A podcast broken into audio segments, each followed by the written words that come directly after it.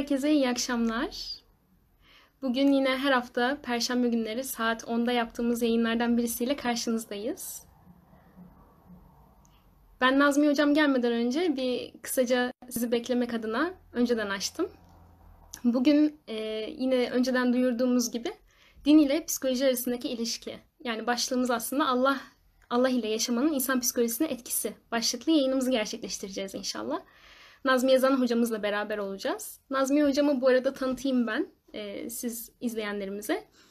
Nazmiye hocam 23 yıldır, yaklaşık olarak 23 yıldır e, okullarda psikolojik danışman olarak görev almakta.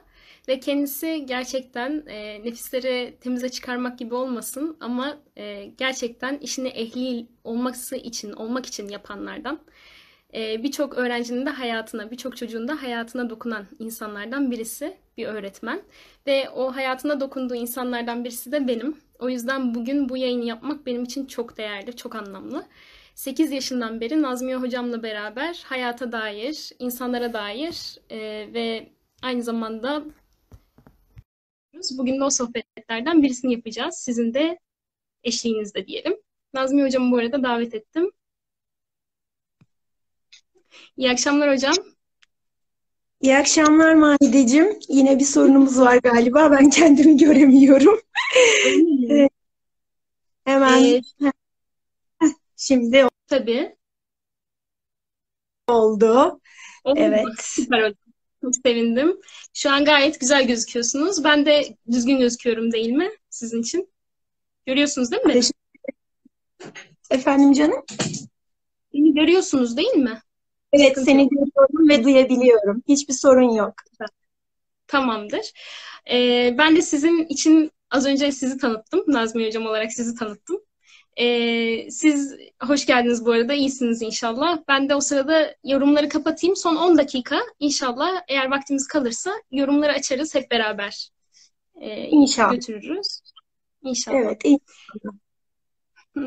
Hocam zamanımız kıymetli. İsterseniz ben Evet. kısaca bir giriş yapayım. Tamam. Aynen hemen başlayalım. Ee, yayının başlığını beraber kararlaştırmıştık. Allah e, Allah'la be- beraber yaşamanın, Allah'la yaşamanın insan psikolojisine etkisi demiştik. Yani Allah'la yaşamak deyince aslında hepimizin az buçuk e, tahmin ettiği, söylediği cümleler aslında. Müslüman olarak Müslümanız elhamdülillah. Allah'ı bilerek yaşıyoruz diyoruz. Ama ne kadar gerçekten Allah'ın farkında olarak, Allah'ın bize her an gördüğünü, her an işittiğini, e, bunların ne kadar farkında olarak yaşıyoruz? Aslında bu çok önemli bir soru. Bunu bu soruya cevap verebilmek için aynı zamanda da Allah'ın bizden istediği şeylerin bizim iyiliğimize olup olmadığını içselleştirmek gerekiyor aslında. Çünkü Allah gerçekten kullarına zulmetmediğini söylüyor. Ee, ama biz bunu ne kadar içselleştirirsek o kadar Allah ile beraber yaşamanın keyfine varabiliyoruz aslında. Bunun keyfine varabilmek için de e, bizim hesabımızın ismi gerekçelendirilmiş inanç. Yani inancımızı gerekçelendirmemiz gerektiğini e, Kur'an'dan okuduğumuzda fark ettik. Ve biz de bunun için çabalıyoruz aslında. Ve bugün de bu çabamıza ortak olarak psikoloji bilimiyle bunu birleştireceğiz. Ve Allah'ın bizden istediği öğütlerin, evet inşallah Allah'ın bizden istediği öğütlerin yani Kur'an'ın ve Allah'ın e, bir Müslümanda bulunması gereken özelliklerin işte insan psikolojisine nasıl etkisi olduğunu beraber konuşacağız inşallah. Bütün güzelliklerden Allah'tan diyoruz. İnşallah hayırlısıyla güzel bir yayın geçer. Allah'ın razı olduğu bir yayın. Ben sözü size bırakayım. İnşallah. Öncelikle herkesin Allah'ın selamı ve bereketi üzerine olsun. Hepimizin üzerine olsun. İnşallah anlattıklarımızı doğru bir şekilde anlatabiliriz. Doğru şekilde karşımızdakiler arkadaşlarımız da doğru bir şekilde anlayabilirler ve senin de söylediğin gibi güzel bir e, yayın olur. E, aslında konuyu beraber belirledik ve bera- beraber belirlerken de hani e, benim için böyle çok kolay bir konu olacağını düşünmüştüm işin gerçeği. Ama e, işin içerisine girince bir baktım ki o kadar derya deniz bir konu ki böyle neresi, nereyi, neyi anlatacağım? Ay bunu da anlatmamız lazım. Hay bundan da bahsetmem lazım şekline dönüştü. E, yani eksik kalan noktalar olabilir. Öncelikle arkadaşlara bunu söylemek istiyorum. Eksik olabilir. E, yani çünkü gerçekten çok derin bir konu. Gerçekten Allah'la yaşamak demek her adımında, her nefesinde, yatarken, kalkarken onu hissetmek, bir çiçeğe bakarken, bir e, çocuğun gözüne bakarken onu hissetmek demek. E, ben ilk böyle Allah'la yaşamayı ilk çocuğumu dünyaya getirdiğim zaman hissetmiştim. O dünyaya geldiğinde onun ayak ayağını böyle ölçmüştüm. E, serçe parmağım kadar ayağı ve bu ayağın içerisinde şu kadarcık da parmakların olduğunu görmüştüm ve e, o bu mucizeyi o kadar böyle derinden hissettim ki gerçekten çok ağlamak gelmişti. Yani nasıl böyle bir şey olabilir ki? E, zaten yaratılış aşaması ayrı bir boyut. Yani iki tane hücrenin birleşmesiyle bir canlı en şerefli ve en üstün ve meziyetteki canlı meydana geliyor. E, gerçekten Allah'la yaşamak çok böyle uzun bir yolculuk, e, çok erdemli bir yolculuk ve farkına varılarak yaşanması gereken bir yolculuk. İnşallah biz bugün bir kuple bunlardan bahsedebiliriz. E, şöyle başlamak istiyorum Maideciğim.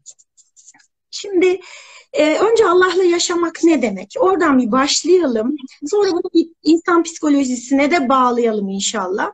Biz zaten seninle her zaman sohbetler ederiz biliyorsun. Ee, inşallah sohbet şeklinde götüreceğiz arkadaşlar. Soru cevap şeklinde yapmayacağız.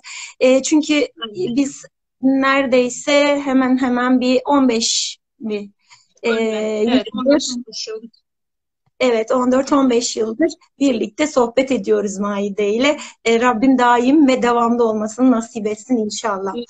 Şimdi e, Allah ile yaşamayı Kur'an-ı Kerim'den ayetle açıklayalım. E, Kaf suresi 16. ayette allah Teala bize diyor ki andolsun biz insanı yarattık ve e, nefsinin nefsinin nefsinin kendisine fısıldadıklarını biliriz ve Hı-hı. biz ona şah damarından daha yakınız. Yani Allah bize yakın. Allah bizimle. Her an, Hı-hı. her dakika, içimizde, dışımızda, her yerimizde. Sadece bizim bu on, bunun farkına varmamız gerekiyor. Onunla yaşamanı, biz onu görmemiz lazım. Burada farkındalığımızı oluşturmamız gerekiyor. Bugün inşallah birazcık bunu sağlamaya çalışacağız. Ee, allah Teala bizim içimizden geçenleri biliyor e, fısıldadıklarını, içimizin, iç dünyamızın fısıldadıklarını biliyor. E, ve gerçekten doğuştan itibaren bize yaratılıştan doğası, doğamıza bazı tohumlar bırakmış durumda allah Teala. Ne gibi? Mesela kabiliyetler, yeteneklerimiz, işte duygularımız, içgüdülerimiz, inanma içgüdüsü, saldırganlık güdüsü, cinsellik güdüsü, akıl, sevgi, e, bunun yanısında haya, utanma duyusu gibi güdülerle bizi tohum olarak atıyor ve yaratıyor. Bunu yaratırken yine Tin suresinin dördüncü ayetinde allah Teala diyor ki andolsun ki biz insanı en güzel şekilde yarattık. Yani eşrefi yani hani mahlukların en şereflisi olarak, en donanımlısı olarak dünyaya getirdik, yarattık. Şimdi dolayısıyla allah Teala bizi yarattı, en güzel şekilde yarattı. Bizim ne yapacağımızı, ne yap yapamayacağımızı, nasıl çalıştığımızı yine en iyi o biliyor. Yani burada şuna benzetebiliriz e, diye düşünüyorum. E, düşün bir makine üreticisin, üreticisin. Yani bir dolabı üretiyorsun ya bir elektrik süpürgesi üretiyorsun. Ona bir kullan kullanma kılavuzu koyuyorsun. Çünkü çünkü sen üretmişsin bunu ve onun nasıl çalışacağını, nasıl çalıştırılacağını en iyi sen bilirsin. İşte allah Teala da e, bizim nasıl çalışacağımızı, neleri nasıl yaparsak daha iyi olacağımızı, daha mutlu olacağımızı bize peygamberi aracılığıyla, Kur'an-ı Kerim'le gönderdi. Kur'an-ı Kerim bizim kullanma kılavuzumuz. Yani biz Kur'an-ı Kerim'i çok iyi anladığımızda, çok iyi okuduğumuzda, e, sorguladığımızda, düşündüğümüzde ki herhalde ayetlerin, yani ben tabii ki bir yüzdelik veremem çünkü ben bir din ilmiyle uğraşan e, bir insan değilim. E, yani alim değilim bu anlamda. O yüzden ama okuduğumda gördüğüm ve beni çok etkileyen e, şey düşünmüyor musunuz? Akıl etmiyor musunuz cümleleri? Kur'an-ı Kerim'de. Dolayısıyla e, bu kullanma kılavuzunu çok iyi düşünmemiz, çok iyi irdelememiz, çok iyi gözlemlememiz ve akıl süzgecimize yerleştirmemiz gerekiyor. Şimdi bu kullanma kılavuzuyla yaşadığımızda Maide biz iç huzuru çok iyi olan insanlar haline geliyoruz iyi oluş. Psikolojide mutluluk demeyelim. Mutluluk biraz böyle hem felsefenin hem dinin birçok ilmin araştırdığı bir konu. Psikoloji ilminin de araştırdığı bir konu ama psikoloji daha çok iyi oluşla ilgileniyor. Yani iyi oluş, kendini iyi hissetmeyle ilgileniyor. Şimdi bu kılavuzu kullandığımızda huzurlu, mutlu, doyuma ulaşmış birer insan haline geliyoruz. Şimdi bizim yalnız bir sıkıntımız var. Ne bu sıkıntımız? Aslında sıkıntı demeyelim ama bir de bizi dünyaya getiren bir ailemiz var. Bir yaşam çevremiz var yaşadığımız çevre var. Yani e, biz kendim biz dünyaya geldiğimiz aile eğer e, yaratılışın kullandığı kılavuzu kullanıyorsa bize bir şeyleri öğretirken biz yine şanslı bir kesimde yer alıyoruz ve e, dini ritüellerden önce ahlaklı ve erdemli yaşamayı, iyi oluşu öğrenerek Allah'ı tanıyarak Aynen. sürecine Allah'ı tanıyarak geliyoruz. Ama bizim ailemiz sadece ritüellerden oluşuyorsa, biraz Türk toplumu olarak konuşuyorum, ritüellerden oluşuyorsa, namazını kılması, orucunu tutmasına takıntı haline getiriyorsak, işte hmm. sabah namazını zorla kaldırıyorsak, detaylara takılıyorsak, yani e, Ayşe diye bir arkadaşım var, ona da selam gönderiyorum burada. E, din kültürü öğretmeni diyor ki detaylara takılınıyor. O kadar çok detaylara takılmıyor ki bu nedenle kılavuz algılanmıyor. Yani Allah'ın bize ne söylediği algılanmıyor ki ayette var bu konuda Maide hatırlıyor musun? O kadar Hocam, çok detay takıldılar evet. ki. Mesela buzağı konusu bir e, Bakara suresinde bir buzağı kıssası geçiyor. Orada Allah aslında Musa peygamberin kavminden bir buzağı kesmelerini istiyor. Ama e, bu kavim o kadar çok soru soruyor ki resmen kesmemek için bu buzağının rengi ne olsun, buzağının boyutu ne olsun, şunu mu yesin, bunu mu yesin ve sonunda Allah diyor ki neredeyse buzağı kesmeyeceklerdi diyor. Yani biz o kadar detaylara takılıyoruz ki neredeyse onu yapmayacak hale geliyoruz. Ama Kur'an'a baktığımda ben yani Kur'an'ın yaklaşık 3 yıldır okuyup anlamaya çalışan, Türkçesinden okuyup anlamaya çalışan bir insanım. Ve Kur'an'da detaylar yani detaylı şeyler ibadetlerde değil tam tersi asıl imani konularda Allah bizden detay istiyor. Ahlaki konularla ilgili. Evet ve istediği detayı da zaten mesela borç konusunda bir detay varsa kesinlikle veriyor ve son noktayı koyuyor. Maide 101. ayet geliyor aklıma burada. Allah diyor ki size e, açıkladığımız şeyler dışında eğer bir şeyler aklınıza takıldıysa bunu Kur'an indirilirken sorun o zaman biz size açıklarız. Ama açıklamadıysak biz onlardan vazgeçmişiz diyor. Ama biz buna rağmen Allah onlardan vazgeçtiğinde mesela demesine rağmen maalesef çok fazla e, sor şey yapıyoruz yani didikliyoruz. Resmen yapmamak için didiklermişçesine. Allah'a güvenmemiz ve bırakmamız lazım aslında o noktayı. Şimdi aynen böyle. Şimdi detaylardan oluşan bir kılavuzumuz varsa bizim ritüel olarak, ritüellerle büyütülmüşsek e, ve burada ergenlik sürecinde şöyle bir şey yaşıyoruz. Ya tamamen reddediyoruz bunları, ailemizin bu öğrettiklerini ve nefret ediyoruz. E, ya da e, sadece ve sadece uyumak amaçlı uyuyoruz, sorgulamıyoruz. Onların evet. öğrettiği kalıyoruz. O zaman da doğru bir şey yapmıyoruz ki çünkü e, bize allah Teala ayna nöronlar veriyor. Ayna nöron bizim e, model almamızı sağlıyor. Ailemizin her yaptığını biz böyle şak diye çekiyoruz çocuklarımız ve öğreniyoruz. Hiçbir şey yapmamıza gerek yok. Sadece aynı nöronlarla dili öğreniyoruz, kültürü öğreniyoruz. Oradaki yaşam biçimini öğreniyoruz. Vermiş allah Teala. Ama biz ayetle yine demiş ki babaları ne diyorlar mesela İbrahim suresi galiba babalarımızın dediğini yaptık onlara uyduk diyorlar. Aynen. Ama orada diyor ki hayır yani yaptığınız doğru değil. Sorgulasaydınız. Ve düşünmüyor olabilir diyor mesela. Aynen. Aynen. İşte burada ayna nöronlarımız çok güzel bir var şey Rabbimizin verdiği bir şey. Evlatlarımızı buna göre çok güzel yetiştirebiliriz. Ama bir taraftan da bizim adımıza gerçekten çok kontrol etmemiz gereken e, işte izlediğimiz bir diziden bile kendimize davranış öğrenebiliyoruz. Bunun Kesinlikle. farkına var gerekiyor. Yani oradaki yanlış bir sahne bizi yanlış bir yerlere götürebiliyor. Çünkü benim zihnimde o benim davranışlarıma yerleşebiliyor. Şimdi burada e, benim eğer burada böyle bir kılavuzum varsa ben biraz hayatı labirente benzetiyorum Maide. İşte girişleri çıkışları olan hani böyle e, hatta Labirent diye bir film de seyretmiştim. Gerçekten böyle. Şimdi eğer kılavuzumuz Kur'an-ı Kerim'se Allah'ımızın söylediği şeylerse bu labirentten çıkış yolunu kolay buluyoruz. Ama eğer kılavuzumuz e, bize ailemizin yanlış öğrettiği ritüellerden oluşan bir kılavuzsa biz biraz bu hayatta zorlanıyoruz. Farkına varmadan yaşıyoruz. İşte şimdi bakalım biraz inşallah farkındalık oluşturabiliriz. İnşallah faydalı ve yararlı olabiliriz diye düşünüyorum. Ee, bir ekleme yapmak istiyorum çok kısa. Rum Tabii. suresi 30. ayette mesela Allah bizden şunu istiyor. Allah'ın dinini fıtrat dini olarak tanıtıyor. Yani fıtrat dinine yüzünü çevir diyor. Aslında bu şu şekilde bir benze, benzetme de yapılabilir. Sanki doku uyuşmazlığı olmaması için Allah fıtrat dinine yönünü çevir dermişçesine. Yani bu Kur'an'daki bilgiler zaten ben seni yarattım, seni yaratan benim ve sana bu kitabı gönderen de benim.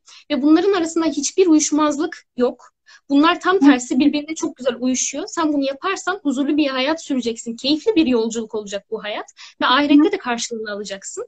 Ama eğer ki bunu yapmazsan o zaman doku uyuşmazlığı yaşayacaksın. İşte o bizim e, başka kılavuzlarımız aslında doku uyuşmazlığı gibi bize zarar veriyor. Bunlar ya çıkıyor sonradan zor zorlaştırıyor yani hayatımızı öyle söyleyelim. Demek ki bizim yani Allah ile yaşamak dediğimiz Allah'ın kitabı olan Kur'an'ı rehber edinmek. Şimdi evet. psikolojik aynen. Aynen. Hatta geçen haftaki uzmanınız da bundan bahsetmişti. Yani bir çocuğa bir ritüelleri e, şöyle oturup karşısına anlatamayız yani. Biz öğreteceğiz. Yani nasıl? Ben yaşayacağım ki o öğrenecek. Ben Allah'la yaşayacağım ki çocuğum da bunu öğrenebilsin. Ben bir çiçeği, bir böceği gördüğümde şükredeceğim. Sabah uyandığım için şükredeceğim. Sabah evladımın yanına varıp onu öptüğümde oh çok şükür elhamdülillah böyle bir evlat nasip ettin diye şükredeceğim. Güneşin doğuşu için şükredeceğim. Nefes aldığım için şükredeceğim. Böylece ben yaşayacağım Evladım da bunu görecek ve şükretmenin sonraki kısmı ibadet boyutuna geçecek. Yani Hı-hı. ben onu şükür için, ona teşekkür etmek için ne yapmam lazım? Kulluk boyutuna geçmem lazım. O kısmı geçecek inşallah. Şimdi buradan yola çıkarak e, şuradan bahsedebiliriz. 90'lı yıllarda e, varoluş, varoluşsal e, ya, kuramın, e, varoluşsal kuram diyelim ve hümanist yaklaşımın e, öncülerinden Viktor Frankl ve Martin Seligman e, pozitif psikoloji diye bir şey ortaya koyuyorlar. Hı hı. Ve bu pozitif psikoloji neyle ilgilen, ilgileniyor? İnsanın iyi oluşuyla ilgileniyor. Hı hı. Yani insan ne yaparsa iyi olur ne olursa insan iyi olur diye bakıyorlar ve araştırmalar yapıyorlar. ee, ve burada e, neler neler buluyorlar Maide? Bak bir, insanın insanın temel ihtiyaçlarının karşılanmasını buluyorlar. Bunu açacağız beraber. Hı hı. İlk, başkalarına para harcamak insanlara hı hı. iyi geliyormuş. Üç, eşyalara değil deneyimlere para harcamak iyi geliyormuş hı hı. insanlara. Dört, güçlü sosyal ilişkilerin olması insanları iyi hissettiriyormuş bu dünyada. Beş, anlamlı ve amaca yönelik yapılan işler insanların hayatta kalmasını sağlıyor ve iyi olmasını sağlıyor. Ki Viktor Frankl e, İkinci Dünya Savaşı'nda Nazi zulmüne uğrayan bir insan. O şeylerde kalmış kendisi kamplarda. neydi o kamplarda kalıp hayatta kalan bir kişi. Altıncısı da genetik önemli ancak diyorlar insanların iyimserlik, şefkat, e, şük sevgi, şükran, affedicilik, e, huzur, işte ilgili olmak, farkında olmak gibi deneyim de erdemleri öğrenmiş olmaları insanı hı hı. iyi olmasına neden oluyor. Yani bunları öğrenebileceklerini de söylüyorlar. Yani hatta e, bunların öğrenilebileceği, iyimserliğin öğrenilebileceğini söyleyen kişi Martin Seligman. Bu konuda da çok büyük araştırmaları var. Yedincisi güçlü yanlarımızı keşfetmek, nasıl kullanacağımızı bilmek, hı eksik yanlarımızı da aynı zamanda idare edebilmek, eksiklerimizle baş edebilmemiz gerekiyor. Ve sekizinci olarak da daha az kötümser, daha çok iyimser ama bir polyanacı değil, gerçekçi bir düşünce biçimine sahip olan insanların iyi oluşa sahip olduklarını söylüyorlar. Şimdi gel biz bunları e, Kur'an'la birleştirelim Allah'ın izniyle inşallah. Şimdi birinci aşamada baktığımızda temel ihtiyaçların karşılanması dediğimizde Maideciğim karşımıza Maslow çıkıyor. Maslow bizim temel ihtiyaçlar hiyerarşisi diye bir kuramı vardır. Ve bunu bir piramite benzetirsek birinci ilk alttaki en, en geniş evet en geniş sütunu sütunu alan kısım insanlar için e, fizyolojik ihtiyaçlardır. Bizim fizyolojik ihtiyaçlarımız e, karşılanması gerekiyor. Açlık, Tabii. susuzluk, cinsellik, uyku, e, arttırabiliriz barınma. Yani, bunlar bizim aynen. bunlar bizim fizyolojik ihtiyaçlarımızdır. Bu insan varlığının türünü devam ettirebilmesi için, kendisinin ayakta kalabilmesi için gerekli. Allah Teala kullarını bu ihtiyaçlarla yaratmış, bu ihtiyaçlarını karşılayabileceği nimet ve imkanlar da vermiş. Yani bugün biz giyinme ihtiyacımızı e, peygamberlerden öğreniyoruz e, terziliği. İşte e, tarım yapmayı onlardan öğreniyoruz. Onların yani Allah Teala onları öğretiyor sonra biz bunları onlardan Aynen. Aynen. Ee, yani fizyolojik ihtiyaçlarımız var ve bunların karşılanması için de Allah Teala'nın ayetleri var. Senden Aynen. alalım. Ee, mesela gece ile gündüz uyku dediniz. Bu çok değerli. Ee, ben de bir tıp okuyan birisi olarak uykunun çok önemli olduğunun farkındayım mesela fizyolojik olarak bünyemiz için yani. En basitinden hepimiz yaşıyoruz zaten. Allah'ın ayetleri bu konuda çok değerli. Şunu söylüyor mesela Allah. Gündüzü sizin için dinle, e, çalışasınız. Geceyi dinlenmeniz için mesela diyor. Yani Allah neyi neden yarattığını söylüyor. Gökten suyu indirdiğini, çeşit çeşit bitkiler, ürünler çıkardığını, bunları bizim yararlanmamız için çıkardığını, taşıtları bile anlatıyor. Gemileri nasıl yarattığını, işte gemilere bindiğimizde onu anmamız gerektiğini. Yani aslında soluduğumuz havadan yediğimiz yiyeceğe kadar her şey aslında bizim ihtiyaçlarımızı gidermek için yaratılmış. Hatta fazlasıyla yaratılmış yani. O yüzden hatta, e, aynen. Yani Allah'ın bu ihtiyaçları karşıladığını ve hatta ayetleriyle bize hatırlattığını görüyoruz yani. Kesinlikle. Hatta bizim bu fizyolojik ihtiyaçlarımızın sınırlandırmasını da Kur'an-ı Kerim'den öğreniyoruz değil mi? Hani ölçülü mesela ölçülü kullanmamız gerektiğini, hani bu konuda ölçülü olmamız gerektiğini de buradan öğreniyoruz Kur'an-ı Kerim'den. Ve biz psikolojide de psikolojide de fizyolojik ihtiyaçların fazlaca yapılmasının zararlı olduğunu biliyoruz. Yani insana zarar veren şeylerden bir tanesi e, bunların fazlaca yemek, fazlaca uyumak, fazlaca işte ne bileyim e, su içmek, hepsi bunların hepsinin fazlası zararlı. Uyku ile ilgili hemen bir şey bir şeye değineceğim. E, velilerim çok iyi biliyor ama e, bu arkadaşlarla da paylaşmak istiyorum. Uykunun içerisinde mutluluk hormonu salgılanıyor. E, gece iyi uyumamız çok önemli, çok değerli çünkü dopamin hormonumuz salgılanıyor burada. Özellikle Aynı zamanda Evet, aynı zamanda da melanin melanin hormonu yani bağışıklık sistemimizi güçlendiren, bizi kansere vesaire gibi e, hastalıklara karşı kullan, koruyan melanin hormonumuz salgılanıyor. Ya melatonin hormonumuz salgılanıyor pardon. E, yani ne kadar kıymetli ve değerli görüyor musun? Bu geceyi siz uyuyunuz diye yarattık diyor. Hani bazı insanlar şimdi geceyi gündüze çeviriyorlar ya mesela gece hı hı. yaşıyor, gündüz uyuyor. Ne kadar büyük bir zarar veriyor kendine. Aynen. Aynen. Şimdi e, ikinci ihtiyaç Maslow'da piramidin bir üst tabakası güvenlik ihtiyacı. Hı hı. Yani güvenlik ihtiyacına e, baktığımızda insanın kendini güvende hissetmesi gerekiyor. Düşünsene bir. Hani bulunduğun ortamda güvensiz olduğunu düşünsene. Şu an iş yani şu an bir konuşma yaparken arkanda neler olduğunu bilmesen hani e, ya da evinde neler olacağını bilmesen ailene güvenmesen, hani e, ya da çev bulunduğun çevrene güvenmesen ne kadar büyük bir sıkıntı değil mi? Bu güvenlik ihtiyacı e, allah Teala tarafından da bize kendisine güvenilmesiyle ilgili söylüyor. Diyor ki Ali İmran 160. ayette allah Teala size Allah yardım ederse hiç kimse size zarar veremez. Müminler yalnız Allah'a güvensinler. Eğer sizi, pardon çok özür dilerim, biraz karıştırdım Yok, ayeti galiba. İkinci kısmı şey oldu. Yani müminler e, eğer ki Allah'a güvenirseniz size hiç kimse zarar veremez diyor. En sonunda da Allah'a güvensinler diyor. Evet. Evet, Allah'a güvensinler. Yani şimdi ben Allah'a güvenmem gerektiğini biliyorsam burada karşımıza hangi kavram çıkıyor? Tevekkül kavramı çıkıyor. Kesinlikle. Değil mi? Her şeyin vekili Allah. Şimdi ben tevekkül ettiğimde Yani bir işe başladığımda bunları elimden geldiğince yapabilece yapacağım. Sorumluluklarımı yerine getireceğim. Ama Allah'a güvendim ben. Bundan sonrası hayırlısını dileyeceğim. Çünkü hani ben elimden geleni yaptım. Olursa olur. Allah nasip ederse olur. Şimdi olmadığında kendimi hiç de mutsuz hissetmiyorum.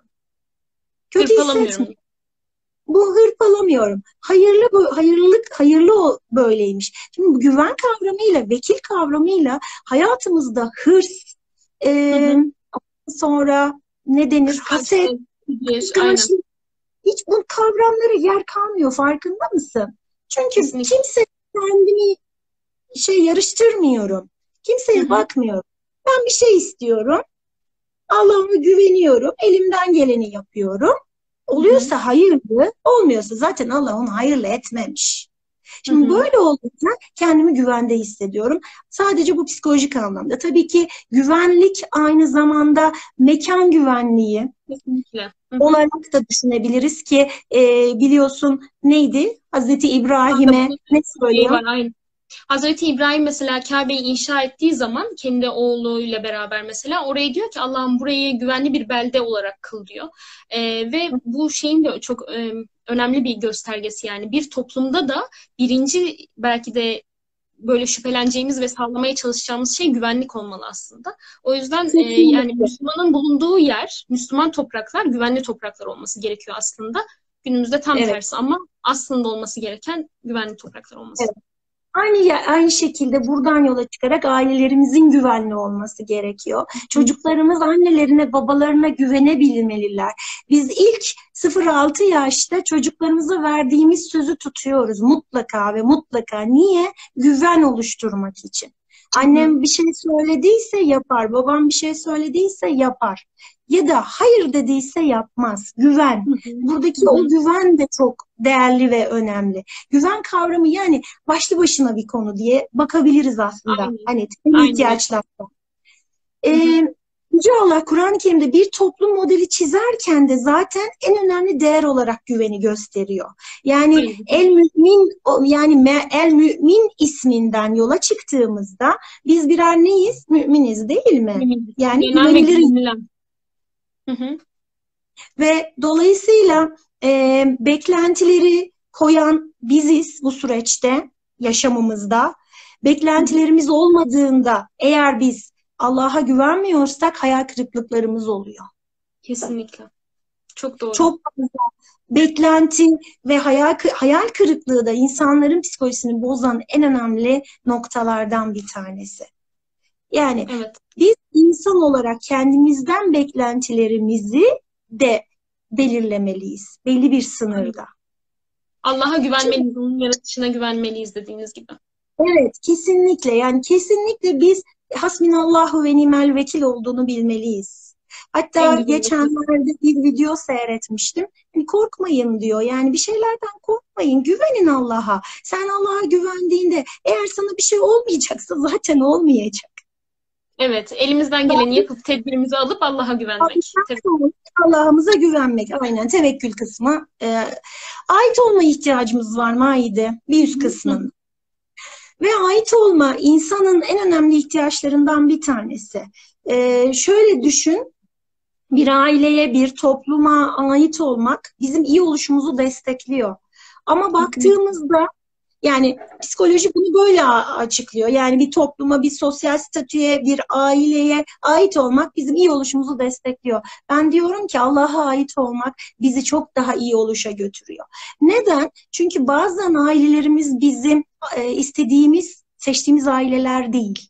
Ya da Aynen. bulunduğumuz bizim seçtiğimiz bir toplum değil. Bazen ait olmadığımızı hissedebiliyoruz. Ama gerçekten Allah'a ait olduğumuzu hissettiğimizde kendimizi çok daha iyi oluşta hissediyoruz. Mutlu hissediyoruz.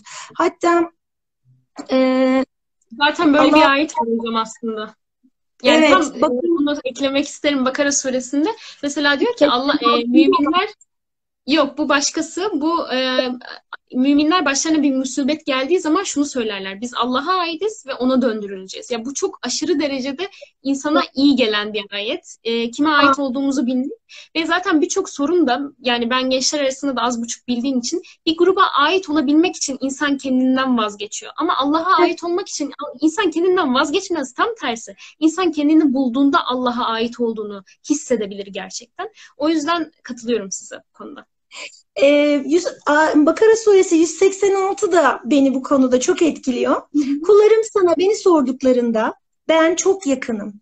Bana dua evet. ettiğinde dua edenin isteğine karşılık veririm. Yani çok yakınım.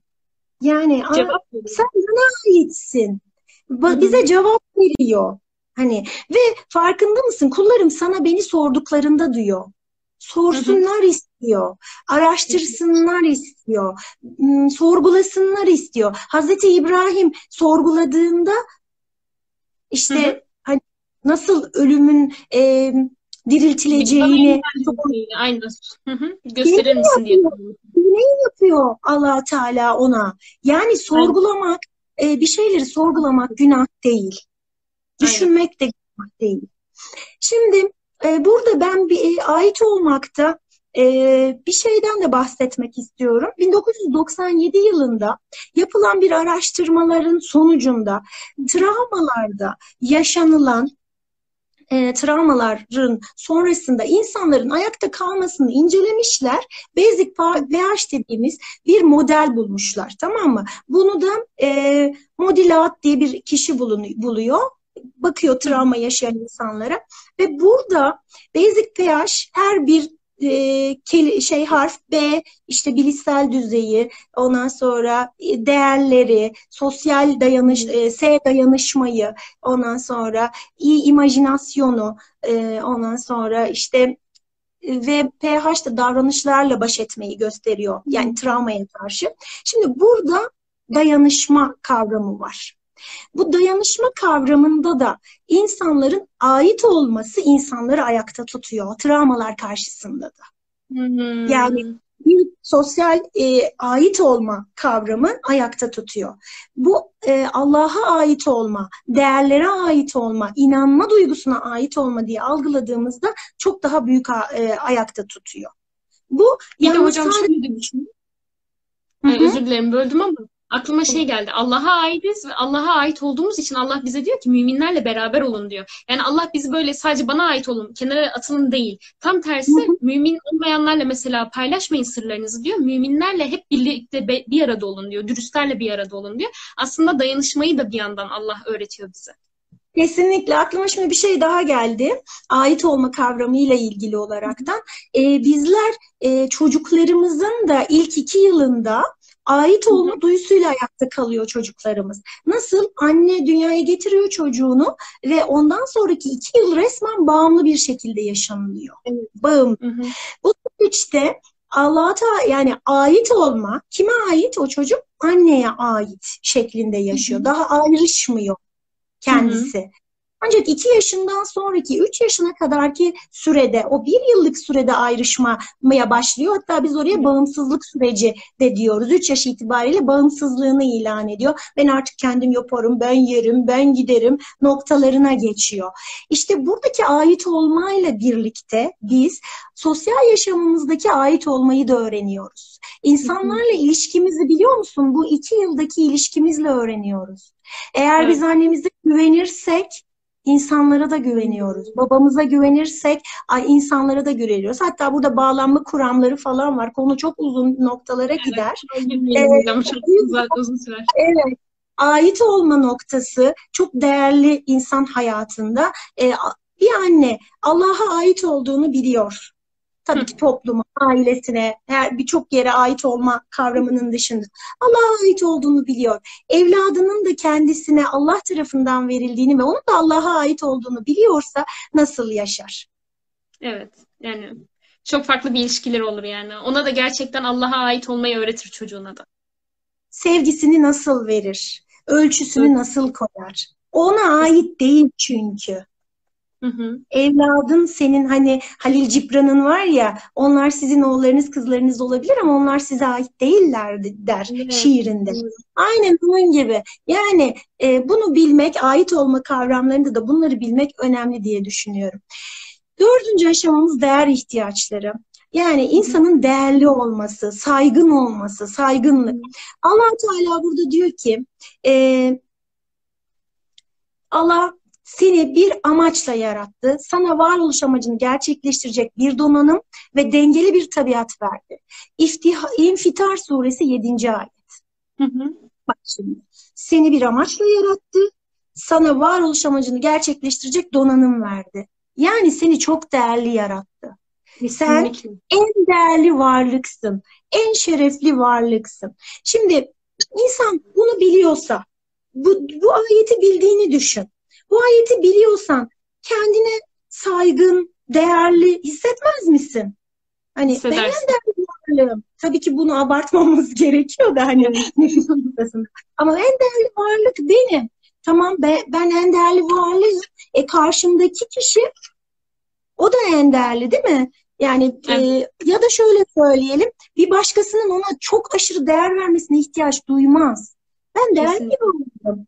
Zaten psikolojide e, transaksiyonel analiz diye bir terapi yöntemi var ve burada e, şey kavramı vardır. İnsan kendisini artı, pozitif ya da onlar şöyle ifade ediyor. Ben okeyim, sen okeysin. Ben okeyim, sen okey değilsin. Ben Değerliyim. okey. Heh, bunu böyle anlatalım. Ben değerliyim, sen Hı hı. değerlisin. Bu Hı hı. ilişki en güzel ilişki. Ben Evet. değerliyim, sen değerlisin. Ama bunun çeşitleri var. Ben değerliyim, karşımdakiler değerli değil. Ben değersizim, karşımdakiler de değersiz. Ben de- e, değerliyim, onlar değersiz. Bu değerli, e, değerli, değerli, değerli. Yani onu bir hani şey yapabilir arkadaşlar kombinasyon yani bu şekilde. Ee, şimdi burada baktığımızda ben değerliysem herkes değerli, değil mi? Hı hı. Peki ben böyle düşündüğümde ve bu şekilde yaşadığımda bak şimdi ben değerliyim. Yaratılan kedi değerli, insan değerli, çiçek değerli, böcek değerli, ağaç değerli. Hepsini Allah yarattı. Hepsini Allah yarattığı için değerli. Ben Hı hı. gidip bir ağacın dalını kırabilir miyim? Ben ateşe verebilir miyim onu? Oraya sigaramı içip atabilir miyim ki sigara içmem zaten. Ben değerliyim. Niye değerli bir şeyi mahvedeyim, öldüreyim ben, yok edeyim? Zarar vereyim değerli olanı. Çünkü o en büyük donanımla yarattı beni. Şimdi bu e, ve bunun ötesinde e, kimseye zarar veremezsin. Bir canlıya zarar veremezsin. Bir insana öfkeni tutup tokat atamazsın. Çünkü sen değerlisin, o da değerli. Hı hı. Biz genelde bu değer kavramını Maide ailemizden öğreniyoruz. Ailemiz eğer bize değer veriyorsa hani dedik ya 02 06 değer hı. veriyorsa kendimizi değerli hissediyoruz. Vermiyorsa değersiz hissediyoruz. Eğer ihtiyaçlarımız karşılanmışsa güvende ve değerli hissediyoruz, karşılanmamışsa hissetmiyoruz. İşte ergenlik sürecine gelen bir insanın burada durup evet ailem bunları bilmiyordu Hı hı. ama beni ailem için değerli olma gerekmiyor. Ben yaratıcı için değerliyim noktasına gelmesi onun iyi oluşunu destekleyecek bir şey. Kendini Hocam, çok daha iyi hissedecek. Burada bir Evet. şey daha eklemek istiyorum. Son zamanlarda hani bu farkındalığı sürekli sizinle konuşuyoruz. Ben de kendi adıma kendi değersizliklerimi fark ediyorum ne zaman hissettiğimi. Ve son zamanlarda şunu fark ettim. Aslında şeytan mesela Allah'ın karşısına hani ben ona secde etmem çünkü ben ondan daha değerliyim dedi aslında. Yani insanın değerini hakkıyla takdir edemedi aslında. Ve o yüzden de bizim değerimizi bize değersizmişiz gibi göstermek için çok çabalıyor şeytan. Bizim buna gerçekten kanmamamız gerekiyor. Kesinlikle müthiş yani çok gerçekten doğru söylüyorsun. Bir de e, şimdi değersizlik şeması diye bir kavram var şema terapide. Hı hı. İnsanların işte bu ta 06'da yaşadıkları aileleriyle ilişkilerindeki o tem şeyi işliyor, inceliyor. Yani bağlılığı, bağlanma kuramlarını inceliyor. Kendisi oradan ne mesajlar almış, hangi yönlendirmeleri, hangi etiketlemeleri almış, bunları değerlendiriyor, işliyor ve insanların e, düşünce yapısını bunları değiştirmeye çalışıyor. İşte insanın bu noktada tabii ki bir terapi sürecine girmesi gerekiyor. Hani böyle bir hissediyorsa kişi ama bu noktada ben yaratıcı için değerliyim. O beni yarattı şeklinde düşünürse çok daha iyi hissedecek. Hatta biz ilk psikoloji dersine girdik. Ee, bizim hocamız e, direkt tahtaya you are special yazdı. Hmm, Biz dersi böyle başladık. Siz özelsiniz. Müthişti. Yani gerçekten öyle. Sen sen olduğun için değerli ve özelsin. Bir şey yapmana gerek yok. Bir yeteneğin olması gerekli değil. Şu an bir de böyle bir sıkıntı var. Farkında mısın bilmiyorum Maide. Kişisel gelişimlerle birlikte yani böyle bir illa bir şeyimizin olması, bir yeteneğimizin olması, o yeteneğimizle hani çok iyi bir kazanmamız, harikalar yaratmamız insanda inanılmaz derecede bir böyle kendini kötü hissetme duygusu yaratıyor bu. Böyle ben yara, ben bir şey yapamıyorum. Benim kabiliyetim yok, yeteneğim yok. E, ben böyle olmuyor. E, bir de Aynen. sanki o kitapları okuyunca ertesi gün bir şeyler yapacakmışın gibi hissediyorsun. Yok öyle bir şey. Biz sadece yaratıcı yarattığı için değerliyiz. Yeteneğimiz olmasına Aynen. gerek yok. Aklımızın olmasını uygulayabilmemiz bile bir değer ve bunun da hakkını vermemiz gerekiyor. Eğer ki Allah bize akıl verdiyse ve bu değeri verdiyse bunun da gerçekten kendimizi sorgulayıp kendimizi gerçekleştirmeye çalışmamız gerekiyor aslında. Kesinlikle. Beşincisi kendini geliştirme. İşte senin bu noktaya geliyor. Kişinin kendini geliştirmesi, anlam arayışı, kendini sorgulaması, güçlü yanlarını nasıl kullanacağı, güçsüz yanlarını, zayıf yanlarıyla nasıl baş edeceğini öğrenmesi de yine iyi oluşumuzu etkiliyor demiştik. Allah Teala insana doğuştan bir fıtrat veriyor ve bu Kur'an-ı Kerim'de de Kur'an-ı Kerim'le de bu fıtratı eğitmesini istiyor. İşte burada güçlü yanlarımız ve zayıf yanlarımız. Bak bunları iyi tespit etmemiz gerekiyor. Zariyat 20 Zariyat 21. ayet ne diyor?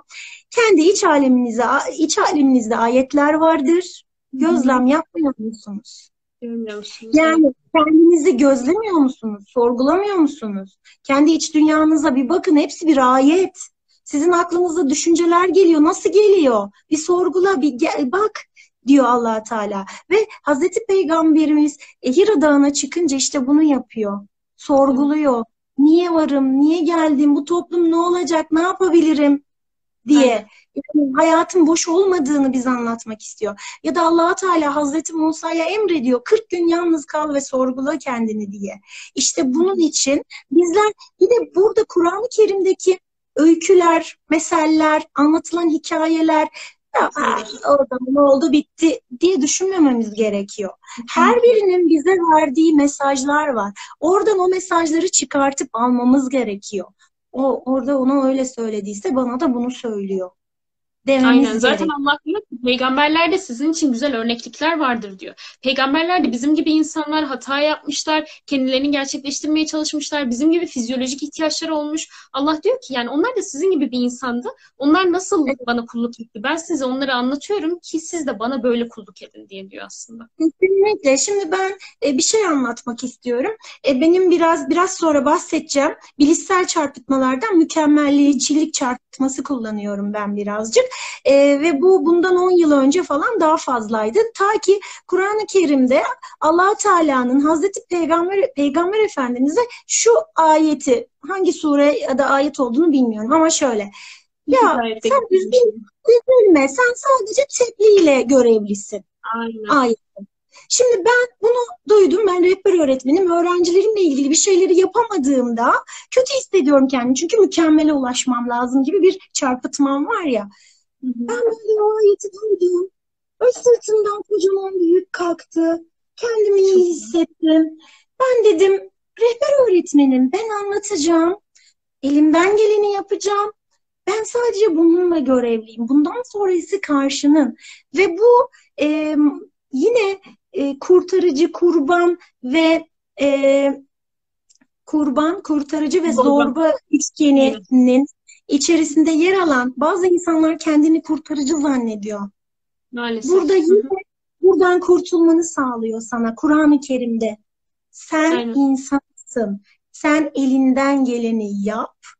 Daha fazlasını Allah. ve ötesini sen yapamazsın. Allah biliyor. Bakar mısın ne kadar eksiklerini ve zaaflarını bildiğinde ne kadar iyi hissediyorsun bu noktada. Bir kadar sınırının olduğunu bildiğinde ne kadar iyi hissediyorsun.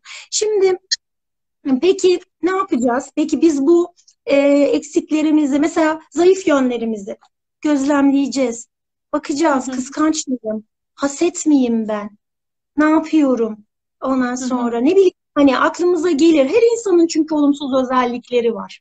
Her insanda var. Değersiz mi hissediyorum? İşte ne bileyim böyle hırslı mıyım? Çok aşırı mı hırsım var?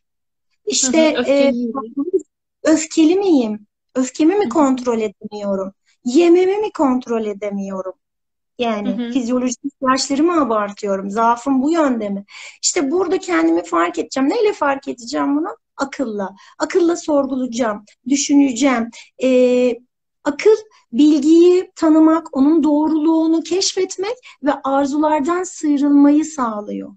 Hevalardan sıyrılmayı sağlıyor yani. Evet. Aynen, aynen. Ee, ve Yunus 100. ayet diyor ki Allah akıllarını kullanmayanları murdar kılar. Üstlenip sıçrar. Bu çok önemli. Yani biz aklımızı kullanacağız. Kendimizi tanımak için, tabiatı tanımak için, tabiattan e, fikirler almak için kendimizi hı. tanıyacağız.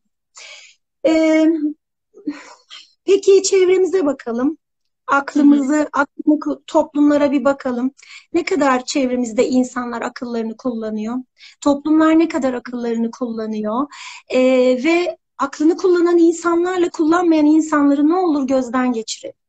Lütfen. Yani kendini sorgulayan, kendi erdemlerini oluşturan, Kur'an'a göre oluşturan insanlarla oluşturmayan insanların hayatlarını bir sorgulayalım. İkisinin farkına bir bakalım. İnanılmaz derecede e, farklı bir iyi oluş var ikisinin Evet. arasında. Şöyle devam edeyim. E, Kıyame 14'te insan e, kendi nefsinin gözlemcisidir diyor allah Hı Teala. hı. Nisa 84'te de sen yalnızca kendi nefsinden sorumlusun diyor. Bak Hı şimdi hı. yine bir sınır koyuyor. Önce kendini gözlemle diyor ama sen kendi nefsinden e, sorumlusun diyor burada. Hı hı. Yani biz başkalarının eksikleri, olumsuzluklarıyla da uğraşmayacağız. Ne kadar güzel. İlk önce Yani kendini değiştirmen lazım. kendini Zaten başkasını değiştiremezsin. Ben kendini geliştirme diyor ya, Kur'an-ı Kerim'de de öyle diyor. Kendini geliştirirsen diyor. Sen başkasını geliştire, ha, ne yaparsın? Tebliğ edersin. Yani konuşursun, anlatırsın, rehberlik edersin ama değiştiremezsin. Önce kendin. Kendinden de sorumlusun. Burada e, Yüce Allah burada bize sorumluluklarımızı da yüklüyor aynı zamanda. Yani kendi nefsinden sorumlusun derken sorumluluklarımız var. Burada e, hayatta kendi davranışlarımızdan sorumluyuz. Nasıl adım attığımızdan sorumluyuz. E, nasıl davrandığımızdan sorumluyuz. E, kendi bedenimizi nasıl kullandığımızdan sorumluyuz. Evet. Her şeyden sorumluyuz yani. Bir dişimizi fırçalamaktan sorumluyuz biz. Onların çürümemesinden sorumluyuz biz. Evet. Bedenimizi güzel kadar kullanmaktan sorumluyuz.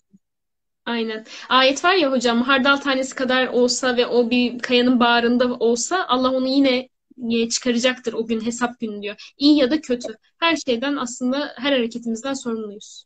Bedenimizi eziyet etmemekten de sorumluyuz. Evet. Yani hani bazı e, inançlar var ya böyle zincirliyorlar bir şeyler yapıyorlar hani falan. Hangi noktadalar ve Kur'an'ı neresinden okumuşlar? Gerçekten insan sorguluyor neredeler diye. Şimdi burada e, Maide Yüce Allah sorumluluklarımızı bize hatırlatıyor dedim ya. Kur'an-ı Kerim'de psikolojik psikolojiyle ilgili yani manevi merkezler var. Üç manevi merkeze ayırıyor. Aynı psikoloji gibi allah Teala. Ne diyor? Zihin, gönül, nefis. Hı hı. Zihin, nefis. Bunlar dengede olmalı diyor. Bunların dengesini kaybedersen sen diyor, iyi oluşa ulaşamazsın diyor. Yani kendimizi gerçekleştirirken zihnimi iyi tanıyacağım, gönlümü iyi tanıyacağım, nefsimi iyi tanıyacağım. Zihnimle nefsime sınırlar getireceğim. Duygularımın zihnimle Ölçü duygularımın aşırıya gitmesine engel olacağım ben. hı. Şimdi bir ufak şöyle bir açıklığı şey yapabilirim. Ee, biyolojik anlamda da şöyle. İlkel beynimiz var, duygusal beynimiz var, beynimizin katmanlarında ve düşünen beynimiz var. Aynı şeyden bahsediyor allah Teala aslında. İlkel beynimiz bizim cins, e, e, güdüsel, güdüsel ihtiyaçlarımız, işte temel ihtiyaçlarımız, açlık, susuzluk, cinsellik vesaire bunları karşılıyor. Duygusal beynimizde amigdal adını verdiğimiz minicik mercimek tanesi kadar bir organımız duygularımızı yönetiyor.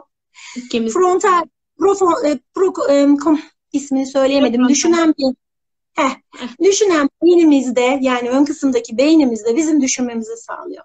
Şöyle e, açıklarsak belki daha iyi yerleşir. Şimdi benim nefsim ya da ilkel beynim çikolatalı pasta yemek istiyor. E, duygusal beynim diyor ki ye be bir tane yesem bir şey olmaz diyor. Zaten üzülmüştün mesela değil mi? Bugün de üzgünsün zaten diyor. Sen kendini mutlu etmen lazım diyor. Düşünen beynim benim ya da e, buradaki şeyle zihin e, diyor ki ama sen yeni diyete başlamıştın. Olmaz ki diyor. Hı hı. İşte burada dengeyi çok iyi sağlamam lazım. Eğer zihni devreden çıkartırsam nefsin ve gönülün arzu kapılıp gidebiliyorum. Evet, o yüzden aklın işte çok değerli. O yüzden düşünmüyor musunuz diye allah Teala sürekli kullarına uyarıyor. Ee, şöyle devam ediyorum. Tabii bu psikolojide de it ego, süper ego diye anlatılıyor. Hani ego kavramı daha çok yakın insanlara. Biraz farklılıklar olsa da. Şimdi Yüce Allah insanların kendi kendilerine, kainat, e, onun gerçekleri, şöyle anlatayım daha doğrusu. Yüce Allah insanların kendi kendilerine, önce kendi Hı. kendileri, sonra kainat, onun gerçekleri ve ömrünün sınırlı olduğunu düşünmesi gerekiyor. Hmm. Bu o zaman e, manevi merkezler dengede kalıyor. Şimdi ömrün sınırlıysa senin hırs yapmana ne gerek? Herkes böyle yaşasa düşünsene. Bir tane evini aldın, bir tane arabanı aldın, ikinci bir ev, üçüncü bir araba almana ihtiyaç duyar mısın? O zaman bu kadar evlerin fiyatı artar mı? Arabaların fiyatları bu kadar artar mı?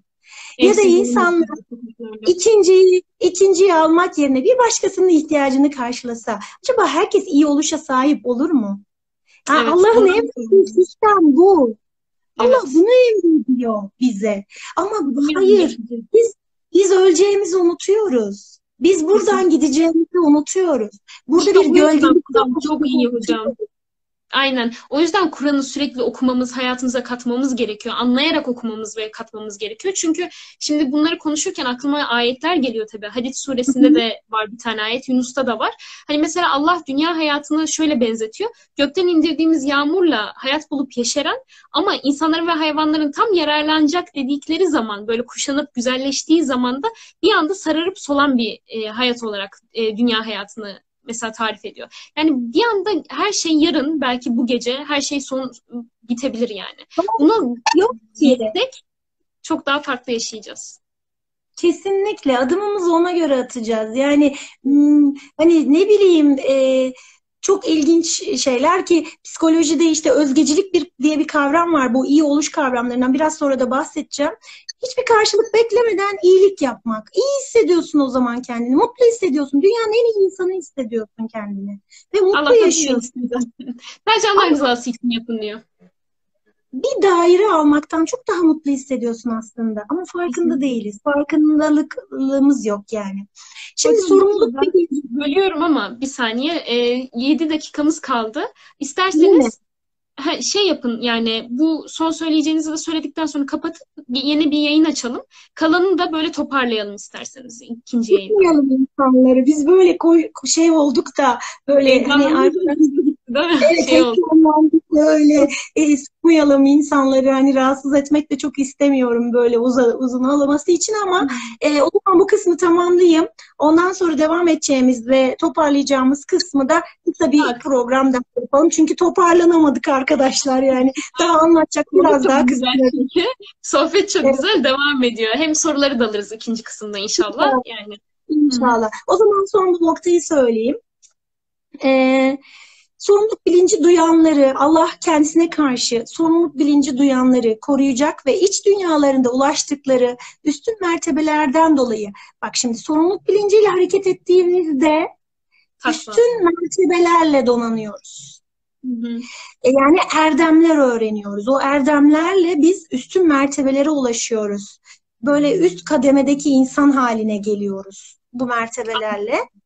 E, onlara mutluluk bağışlayacak ve onla ne bir kötülük dokunacak onlara ne de bir üzüntüye kapılacaklar. allah Teala böyle söylüyor. Yani siz benim kılavuzumla yaşarsanız ben size ne bir kötülük dokunacak size çünkü ben vekilim hı hı. ne de e, bir üzüntüye kapılacaksınız. Yani sen iki dünyada da mutlu olacaksın diyor sana. Evet.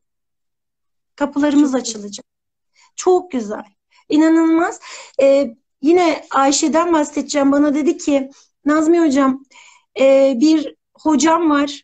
İşte o e, bu Türk toplumda işte okumuş, ilahiyat okumuş. Ama yurt dışına gidince orada insanlar, yeni Müslüman olan insanlar böyle ayetleri duyunca ağlıyorlar ve çok etkileniyormuş. Kendine şöyle bir bakmış, onda tık yok. Hiç etkilenmiyor. Hiç Hemen şey yok. Doğusunda yok böyle bir şey. Böyle keti döndü, kendini kötü hissetmiş. Ondan sonra ben şeye benzettim bunu. Biliyor musun Maide? Biz evet. balık kokusu balık kokusunda yaşayan insanlar hani bir süre sonra balığın kokusunu yok sayarlar ya, duymazlar ya. Evet. Biz e, maalesef e, toplumsal olarak, ailesel olarak hani e, böyle içinde yaşamadığımız için e, böyle bunlar bizi sanki etkilemiyor. Hocam ayet var yani mutlaka okumam lazım. Hadid suresi 16. ayet. Rabbimiz şöyle söylüyor. İnananların Allah'ın öğütlerini dinleyip de haktan gelen şeyle kalplerinin, yumuş, yum, kalplerinin yumuşaması zamanı gelmedi mi? Daha önce kendilerine kitap verilip üzerlerinden uzun zaman geçince kalpleri katılaşanlar gibi olmasınlar. Onların çoğu fasık kimselerdendi. Yani bizim gerçekten dediğiniz gibi Allah'ın öğüdünü duyduğumuz anda bir durmamız lazım. Ya Allah'ın ayet okunuyorsa orada bütün sesler kesilmeli aslında. Orada bir durup düşünmemiz lazım. İsterse bizim aklımızdaki en sağlam doğrunun karşısında bir, bir şey duyalım Allah'ın ayetinde. O zaman Allah'ın ayetini sorgulamak yerine kendimizi sorgulamamız lazım. Çünkü Allah'ın sözü gerçek olan, hak olan. Biz kendimizi sorgulamalıyız burada. Maalesef biz milletçe bunu yapmıyoruz hocam. Okumuyoruz Kur'an'ı. Gerçekten anlamak için okumuyoruz. Ee, böyle evet. kenara atıyoruz. Kenara attığımız şey de kalbimizi maalesef depreştirmiyor yani ve böyle kalplere katılaşanlar gibi oluyoruz. Evet. inşallah Rabbim onlar yani inşallah ona Rabbim hidayet versin o arkadaşa ve o da böyle iyi hissetsin. İnşallah bizler de aynı şekilde e, heyecan hissedelim. Her ayetin ayetinde Rabbimin birkaç kere duysak da her seferinde farklı farklı etkilenelim ve hayatımıza yansıtalım inşallah. İnşallah. Maalesef. İnşallah. Hocam ben şimdi kapatayım. İkinciyi açalım. Tamam. Tamam. Ee, görüşmek üzere. Görüşürüz. Diğer yayını açıyoruz bu arada arkadaşlar. Haberiniz olsun. Heh. Hocam Hı-hı. görüyorsunuz değil mi? şimdi oldu. Evet. evet. Oldu değil mi? Heh, evet. Çok güzel. O zaman kaldığımız yerden devam edebiliriz. Ben yine e, sesini kapat, yani yorumları kapatayım yine isterseniz. Evet. E, çok kısa toparlayalım. Tamam. Sonra e, izleyenlerimizin de yorumlarını alalım. Beraber son bir tefekkür etmiş oluruz inşallah. Tamam. Peki. Tamam. Ee, biliyorsun buradaki 4-5 maddemiz var ayrıca. Onları kısa kısa üzerinden geçmemiz gerekiyor ki konuyu tamamlayalım. Tamam mı? Aynen. Yani yarım tamam. kalmasın konumuz. Şimdi e, bu hiyerarşik olan e, şeylerden hani en son maddeye gelmiştik. Kendini gerçekleştirmedeydik biz. Yani Maslow'un ihtiyaçları hiyerarşisinin en tepesindeyiz. Kendini gerçekleştirme. Kendini gerçekleştirmede bir öncekinde kendini tanıma, sorgulamadan bahsettik. Bu kısımda da insanın daha az iyi, kötümser olması, daha çok iyimser olması, bu bir polyanacı değil olmamasından bahsedeceğiz.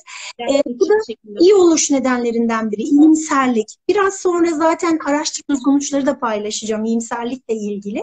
Gerçek, e, burada iyimserlik derken ve kötümser olmama derken gerçekçi bir düşünceden bahsediyoruz yine.